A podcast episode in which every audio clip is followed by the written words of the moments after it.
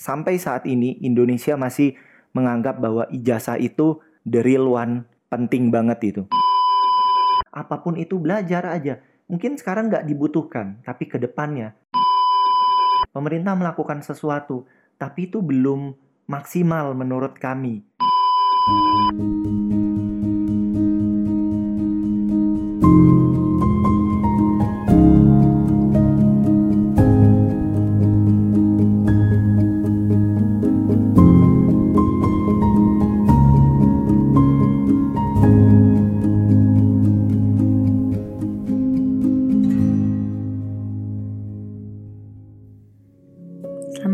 Kembali di Ruas, Ruang Aspirasi Podcast.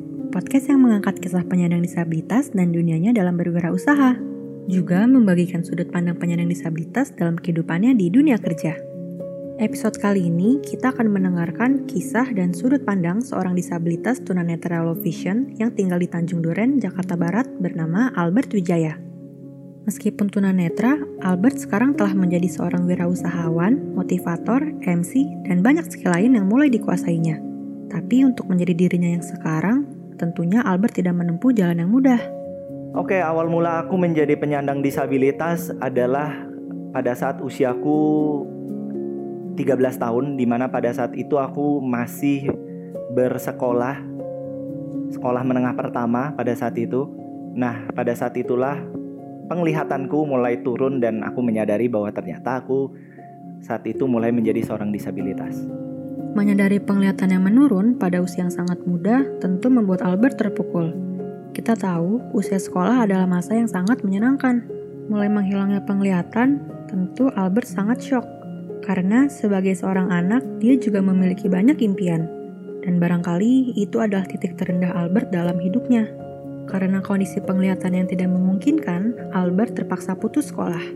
Waktu itu ketika masih tinggal di Jambi, dia dan keluarga belum tahu ada SLB atau sekolah luar biasa. Sekolah yang mengakomodasi siswa berkebutuhan khusus. Setelah tidak sekolah, praktis Albert hanya tinggal di rumah. Dan hal itu berlangsung selama 4 tahun. Itu termasuk waktu yang cukup panjang untuk berdamai dengan keadaan.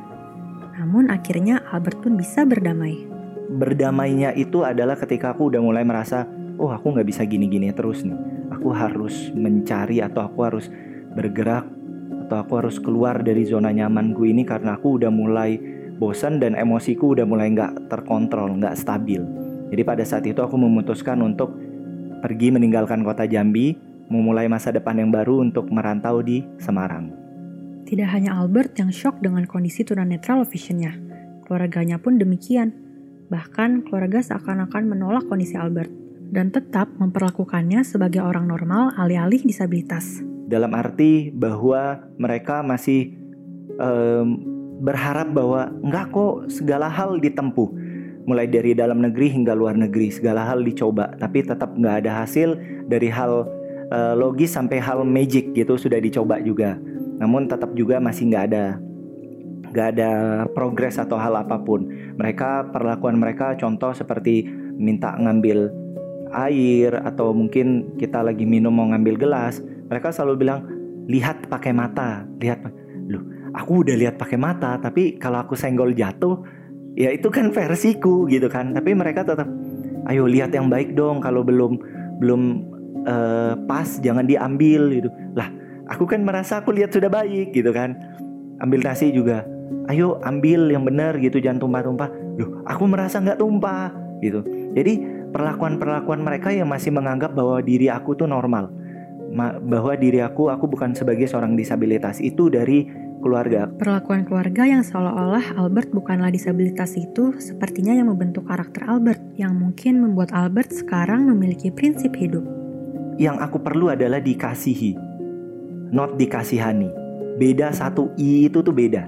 Ketika aku dikasihi, aku tuh merasa bahwa kalian itu tuh adalah uh, orang yang mengasihi aku, peduli akan aku, care terhadap kami. Tapi ketika kami dikasihani, itu cukup satu kali aja, selesai sampai di situ. Tapi ketika dikasihi, kita akan terus keep in touch, kita akan terus peduli akan satu dengan yang lain. Care-nya bisa dirasakan, bisa terasa, bukan hanya satu pihak tapi dua belah pihak Tapi kalau kasihani itu hanya satu pihak doang. Ketika kasihani kami hanya sebagai objek, tapi kalau dikasihi kami juga bisa sebagai subjek. Berhentinya Albert dari sekolah saat kelas 8 waktu itu membuatnya susah mendapatkan pekerjaan karena Albert hanya memiliki ijazah SD. Sementara hanya sedikit pekerjaan yang bisa didapatkan dengan ijazah SD. Karena sulitnya mendapatkan pekerjaan, Albert sangat menyayangkan tentang fakta kalau orang yang mau melamar pekerjaan harus melampirkan ijazah yang tinggi. Mereka yang memiliki ijazah rendah selalu dipandang sebelah mata. Sampai saat ini, Indonesia masih menganggap bahwa ijazah itu the real one, penting banget itu. Sangat penting. Tapi nggak melihat bahwa sejauh mana skill sejauh mana potensi, sejauh mana kemampuan itu nggak dipandang. Albert pun sudah pernah merasakan diskriminasi dari masyarakat karena keadaannya. Standar dari masyarakat yang membuat para disabilitas terdiskriminasi tidak memiliki keluasan sebagaimana yang lain. Para disabilitas kerap dipandang dari luarnya saja dan diremehkan. Aku nggak akan nyebutin di mana tempatnya. Tapi pada saat itu aku sudah magang ibaratnya trial atau aku diberi kesempatan selama tiga bulan untuk menjadi shadow teacher di salah satu homeschooling lah gitu kan. Kepala sekolahnya tuh sempat sudah salaman dengan aku di bulan kedua. Aku masih ingat banget di bulan kedua minggu ke dua. Berarti hanya tersisa dua minggu lagi untuk aku berada di situ. Dia sudah salamin aku dan dia sudah berkata bahwa sorry ya uh, karena di sini kan homeschooling buat anak-anak berkebutuhan khusus juga berhubung kamu juga disabilitas kayaknya nggak bisa deh jadi shadow teacher jadi apalagi jadi teacher sorry banget ya mungkin uh, kamu bisa nyari tempat yang lain atau mungkin kamu bisa dapetin tempat yang lebih baik lagi bla bla bla bla bla lah intinya seperti udah salaman tapi beneran is amazingnya tiba-tiba ada satu anak yang beneran nem nemplok atau nempelnya sama aku jadi aku diperpanjang sampai sebelum pandemi memang sangat tidak menyenangkan kalau diperlakukan berbeda hanya karena kondisi fisik dan hal ini dirasakan betul oleh para disabilitas, sekalipun sekarang sudah ada undang-undang agar disabilitas bisa bekerja di sebuah perusahaan. Tapi menurut Albert, menerbitkan undang-undang saja tidak cukup. Albert menegaskan kalau dirinya tidak mengatakan bahwa pemerintah tidak melakukan sesuatu untuk para penyandang disabilitas. Hanya saja bagi Albert, aksi pemerintah ini dampaknya belum maksimal bagi disabilitas. Masih banyak yang terdiskriminasi, sering ditolak saat melamar pekerjaan, dan tidak mendapatkan fasilitas yang memadai untuk kebutuhan mereka. Melakukan sesuatu ya, pemerintah melakukan sesuatu, tapi itu belum maksimal menurut kami. Di mana kami organisasi, berbagai organisasi kedisabilitasan sendiri, organisasi-organisasi disabilitas, terus berjuang kok untuk uh, apa ya lebih kepada pemerintah itu tuh bisa lebih maksimal lagi membantu para disabilitas gitu loh.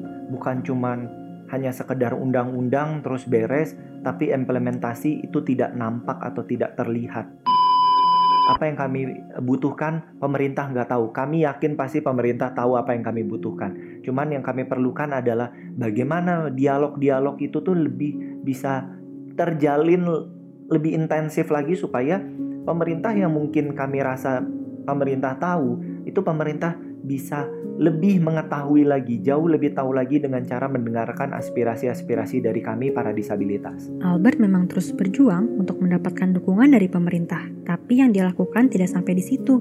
Dia tidak hanya mengandalkan pemerintah demi kesejahteraan hidupnya, Albert juga melakukan sesuatu untuk dirinya sendiri, untuk bangkit dari susahnya mendapatkan pekerjaan. Mengupgrade diri, jadi ketika orang boleh berkata apa kepadaku, tapi aku terus meningkatkan skill, meningkatkan kemampuanku, meningkatkan daya saingku, aku percaya bahwa ketika nanti pemerintah ataupun pihak-pihak terkait membuka peluang, aku siap. Jadi bagianku adalah aku harus mengupgrade diri. Dari terus meningkatkan kemampuan diri, sekarang Albert punya usaha kopi, kerupuk, dan apa saja yang mungkin bisa dia jual. Dia juga bergerak di bidang public speaking dengan menjadi MC, moderator, juga motivator. Semua dimulai dari nol. Aku mulai dari relasi, mulai dari orang-orang sekitar. Ih, mereka jual apa? Aku coba ambil barang mereka untuk aku jual. Sampai pelan-pelan ada pihak-pihak yang mungkin mencoba untuk mengajari kami dan memberikan kami skill di bidang uh, barista, kopi, dan lain-lain. Nah di situlah awal di mana aku merasa bahwa oke okay, kayaknya aku harus mencoba nih mengupgrade diri mulai dari bidang-bidang penjualan seperti kopi dan juga kerupuk serta hal-hal lainnya sampai di skill berbicara aku sendiri di dunia komunikasi, public speaking, MC dan lain-lainnya. Meski kegiatannya terhitung padat, Albert tetap mengelolanya sendiri. Mulai berjualannya, memutar uangnya, juga public speakingnya. Sesekali memang ada kawan yang membantu, tapi tidak setiap saat. Itulah kesulitan yang dialami Albert. Dia pun kewalahan mengkombinasikan semua kegiatannya.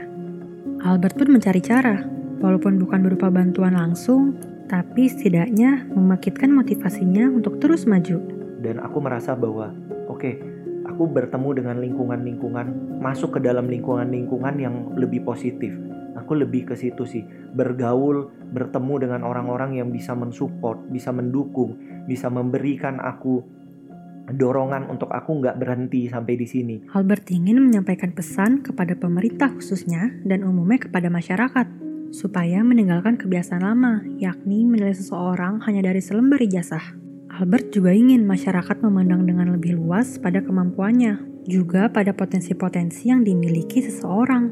Belum memiliki ijazah formal, tapi secara skill, secara lingkungan itu mensupport mereka sehingga mereka itu punya banyak bakat, punya banyak talenta, punya banyak hal yang bisa mereka lakukan. Jadi menurut aku pemerintah yuk melihat dari sisi yang berbeda. Begitupun kepada kawan-kawan disabilitas, Albert meminta untuk tidak menyerah dengan keadaan yang ada. Albert berpesan, jangan malas untuk meningkatkan kualitas diri dan mempelajari hal-hal yang baru. Apa pun itu belajar aja. Mungkin sekarang nggak dibutuhkan, tapi ke depannya maybe itu menjadi sesuatu yang landasan atau pintu bagi kita untuk kita bisa masuk ke dunia yang baru lagi. Kalau nggak mulai dari kita, nggak akan pernah bisa. Nah, dari kisah dan sudut pandang Albert ini, kita bisa mengambil pelajaran bahwa kita harus meningkatkan kualitas diri untuk menambah daya saing yang kita miliki, agar ketika kesempatan dan peluang datang, kita siap menyambutnya dan bersaing dengan siapa pun. Demikianlah ruas ruang aspirasi podcast episode kali ini. Cerita Albert, seorang tunanetra low vision yang kini punya kemampuan di banyak bidang, sangat penting untuk kita jadikan bahan refleksi. Kata kuncinya adalah terus meningkatkan kualitas diri. Sampai jumpa di Ruas, Ruang Aspirasi Podcast episode selanjutnya dengan cerita-cerita menarik lainnya dari penyandang disabilitas. See you next time.